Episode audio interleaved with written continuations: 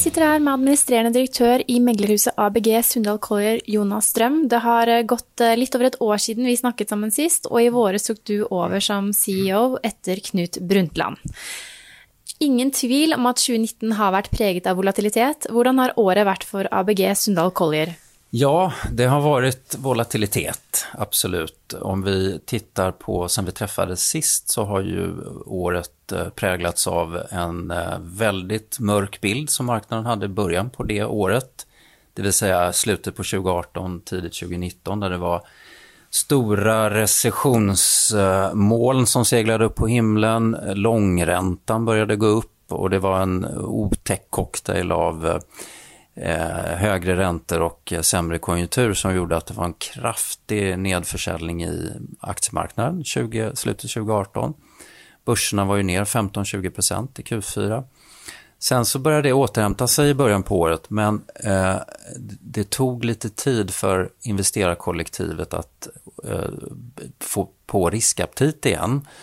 Eh, så att även om det var goda förutsättningar under, om du tittar på börsgrafen under Q1 så tog det väldigt lång tid innan kapitalmarknaden kom tillbaka och det påverkade oss likt våra konkurrenter med en väldigt svag aktivitet i både Q4 och Q1. Väldigt lite transaktioner som gjordes och eh, stilla, stilla, eh, stilla på eh, transaktionsfronten som påverkade vårt resultat. Så jag hade en väldigt svag inledning på året. Så jag fick börja med att presentera en rapport som var allt annat än stark. Sen så började vi se att marknaden kom tillbaka Eh, Q2 och in i Q3 och vi har tagit vår fair share av den återhämtningen och lite till.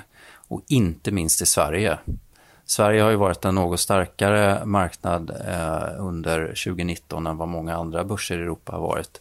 Ja, Da kan vi jo hoppe ja. rett til det. Dere er et meglerhus som har kontorer ja. både i Oslo og Stockholm. Og mens Oslo-børsen kun er opp 11-12% i 2019, så har Stockholm-børsen nesten steget 30 ja. Och det är mycket tack vare att vi har en stark exportindustri. Vi har ju gynnats av en svag svensk krona, kanske ännu mer än vad eh, Norge har gjort. Nor norska kronan har varit svag relativt dollarn också, men här tror jag att vi har gynnats av vår struktur på näringslivet helt enkelt med mycket exportindustri och så vidare.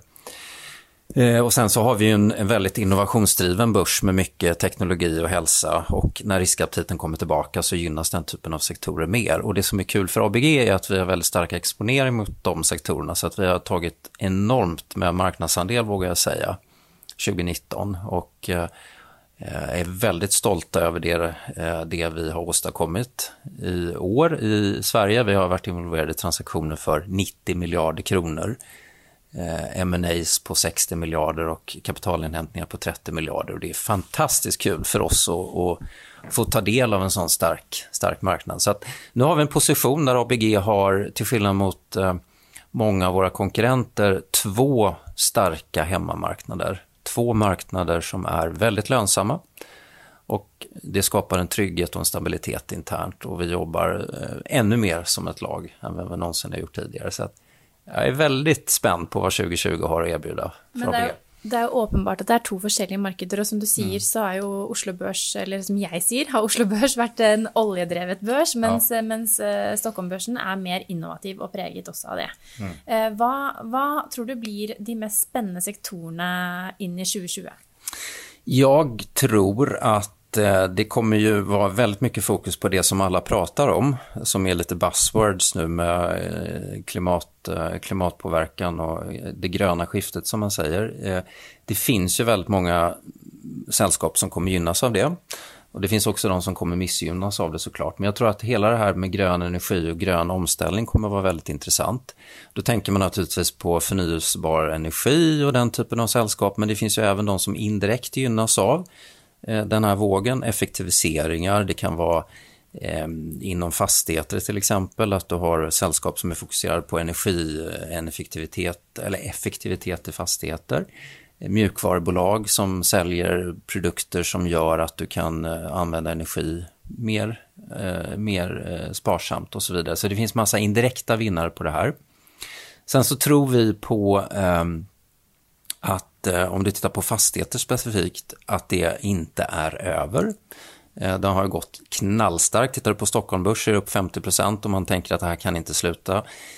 Men kan bra. det inte sluta? det kan inte sluta bra, men det, vi menar att det man underskattar är hela tiden skillnaden mellan, för att fastigheter handlar ju väldigt mycket om Eh, vad, vad kostar det att finansiera och, och vad är hyresgästerna beredda att betala? Och skillnaden däremellan, det är lite som bankverksamhet, ett räntenetto.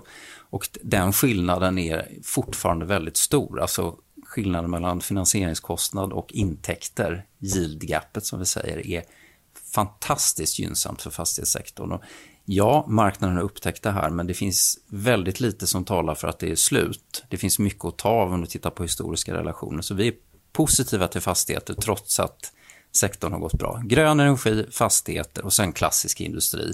Nu när vi ser tecken på att eh, eh handelsavtal kan komma på plats.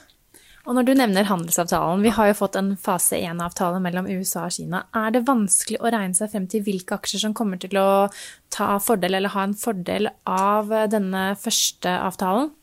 Ja, eh, det är all, alla aktier som gynnas och sektorer som gynnas av global handel. Eh, det handlar ju om klassisk eh, industri, det handlar om stålbolag och så vidare. Eh, så att jag ska säga all, alla aktier som handlar om export är ju, kommer gynnas av det här.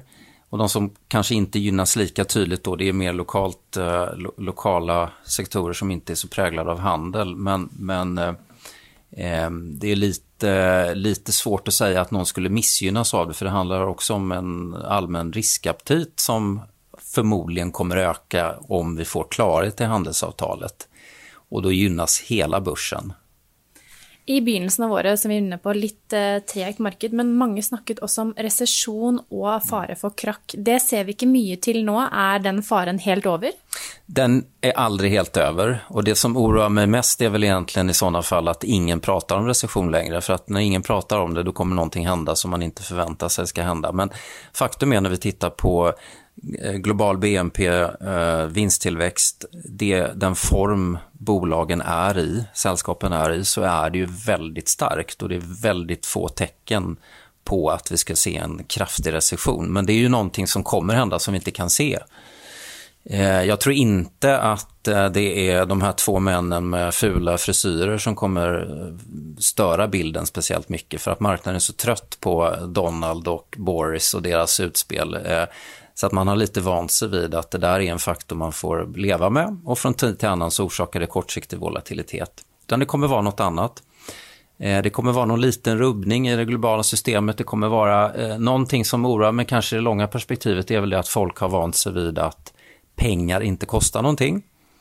Och även om vi ser väldigt lite som talar för att räntan ska gå upp så är det ju såklart plågsamt när det sker. Eh, och när man måste börja ta höjd för att pengar kostar så kommer det få konsekvenser. Eh, och, och, men det är det långa perspektivet. Jag ser inte det liksom 2020. Du nevner Boris Johnson og Donald Trump, mm. og da må vi jo inn på hva som kommer å skje i 2020. For vi vet jo da at det er presidentvalg i USA, mm. og vi vet at Boris Johnson har sagt at han vil ha en exit fra EU i løpet av 2020. Og det er jo rekordhastighet, skal mm. man uh, tro uh, de som vet mer om det enn meg, i hvert fall. Uh, hva, lei av de er vi kanskje, men, men, at de kommer til å forårsake noe volatilitet i året som kommer, er vel kanskje ikke utenkelig? Nej, det, det, som jag sa, eh, kortsiktig volatilitet och eh, nya utspel kommer garanterat komma. Någonting oväntat kommer komma både från eh, vår vän Donald och vår vän Boris. Men titta nu på det senaste valresultatet i UK där Tories vann en förkrossande seger. Vilket då talar för en rekordsnabb eh, utträde från, eller från eh, EU, alltså Brexit. Eh, var, hur reagerar marknaden på det? Jo, genom att gå upp bara för att man får klarhet i någonting som man tidigare inte riktigt har vetat. Nämligen att det kommer en Brexit. Sen är det ju mycket politiskt spel som pågår och, och, vi ska komma ihåg att väldigt mycket av det Boris säger i media handlar ju om positionering för interna politiska förhandlingar på hemmaplan så att man ska nog inte ta allt för sant. Eh, men eh, en hård Brexit Eh, kommer det så kommer det orsaka volatilitet, ja, men det kommer inte döda börscykeln, tror jag. Vad med presidentval i USA? Eh, ja, eh, vi har ju, eh, som, som jag sa, vi har vant oss vid Donald och hans eh, nycker. Eh, Hur ofta checkar du Twitter? Eller checkar du Twitter? Jag har slutat göra det. Jag, jag, jag, det tar för mycket tid. Jag gör inte det längre. Det ger inget. så att det, det, nej, jag styrs inte av det. Och jag tror att marknaden eh, har lärt sig att eh, förstå att det handlar väldigt mycket om hans ego och det handlar också om hans eh, förhandlingstaktik.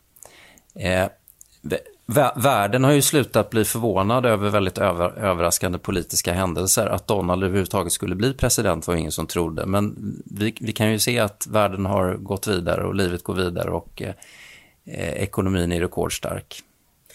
Lite tillbaka till det gröna skiftet. ESG-aktier har jo haft en fantastisk utveckling i året som har gått. Noen menar att de är överprisade medan andra menar att dette er bara starten på noe som kommer til att bli mycket större. Hur viktig är ESG för ABG? ESG är väldigt viktigt eh, för att eh, det är en oerhört eh, viktig sak för våra kunder, alltså våra investerare, att ha kontroll över och förstå vad, hur man allokerar kapital. Där har ju våra kunder, alltså investerare, pensionskapital, stora fonder, ett stort ansvar mot sina kunder, det vill säga allmänheten att kapitalet allokeras rätt. Och där ser vi att vår främsta uppgift är att supportera investerarna när de tar den typen av beslut och, att lägga in ESG som en faktor i all analys vi gör är någonting som har blivit mycket viktigare och vi fokuserar enormt mycket på att ha en trovärdig ESG-analys som är väldigt uppskattat av våra kunder. Så det är viktigt ur det perspektivet eh, för oss. Sen huruvida vissa sällskap i den här sektorn är, som vi säger, hypade, lite övervärderade i korta perspektivet, så blir det ofta i teknologiskiften. Det är lite svårt att veta exakt vem som kommer lyckas, så att, eh, det är en del bett som tas som kanske går lite långt, men jag är helt övertygad om att sektorn har en väldigt ljus framtid. Du tror inte att det är slik att enkelte investorer köper sig god samvittighet vid att investera i ESG? Nej, jag tror faktiskt inte det. Jag tror att det försigkommer, men på aggregerad basis så tror jag att det här är ett enormt tryck, ett enormt skifte och att eh, marknaden faktiskt gör sitt jobb och allokerar kapital till det som eh, behöver, eh, behöver, till de sällskap som behöver kapital för att lösa en av vår tids största utmaningar, klimathotet.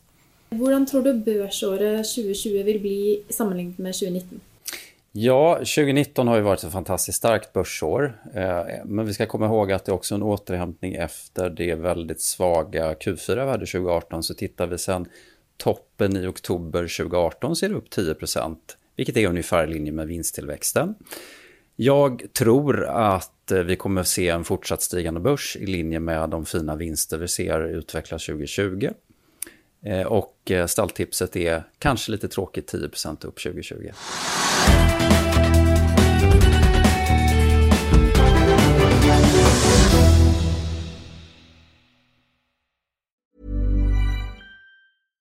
When you drive a vehicle so reliable it's backed by a 10 year, 100,000 mile limited warranty, you stop thinking about what you can't do start doing what you never thought possible. Visit your local Kia dealer today to see what you're capable of in a vehicle that inspires confidence around every corner. Kia, movement that inspires. Call 800 333 4KIA for details. Always drive safely. Limited inventory available. Warranties include 10 year 100,000 mile powertrain and 5 year 60,000 mile basic. Warranties are limited. See retailer for details. Økonominyhetene er en podkast fra Finansavisen. Programledere er Marius Lorentzen, Stein Ove Haugen og Benedikte Storm Bamvik. Produsenter er Lars Brenden Skram og Bashar Johar. Og ansvarlig redaktør er Trygve Hegnar.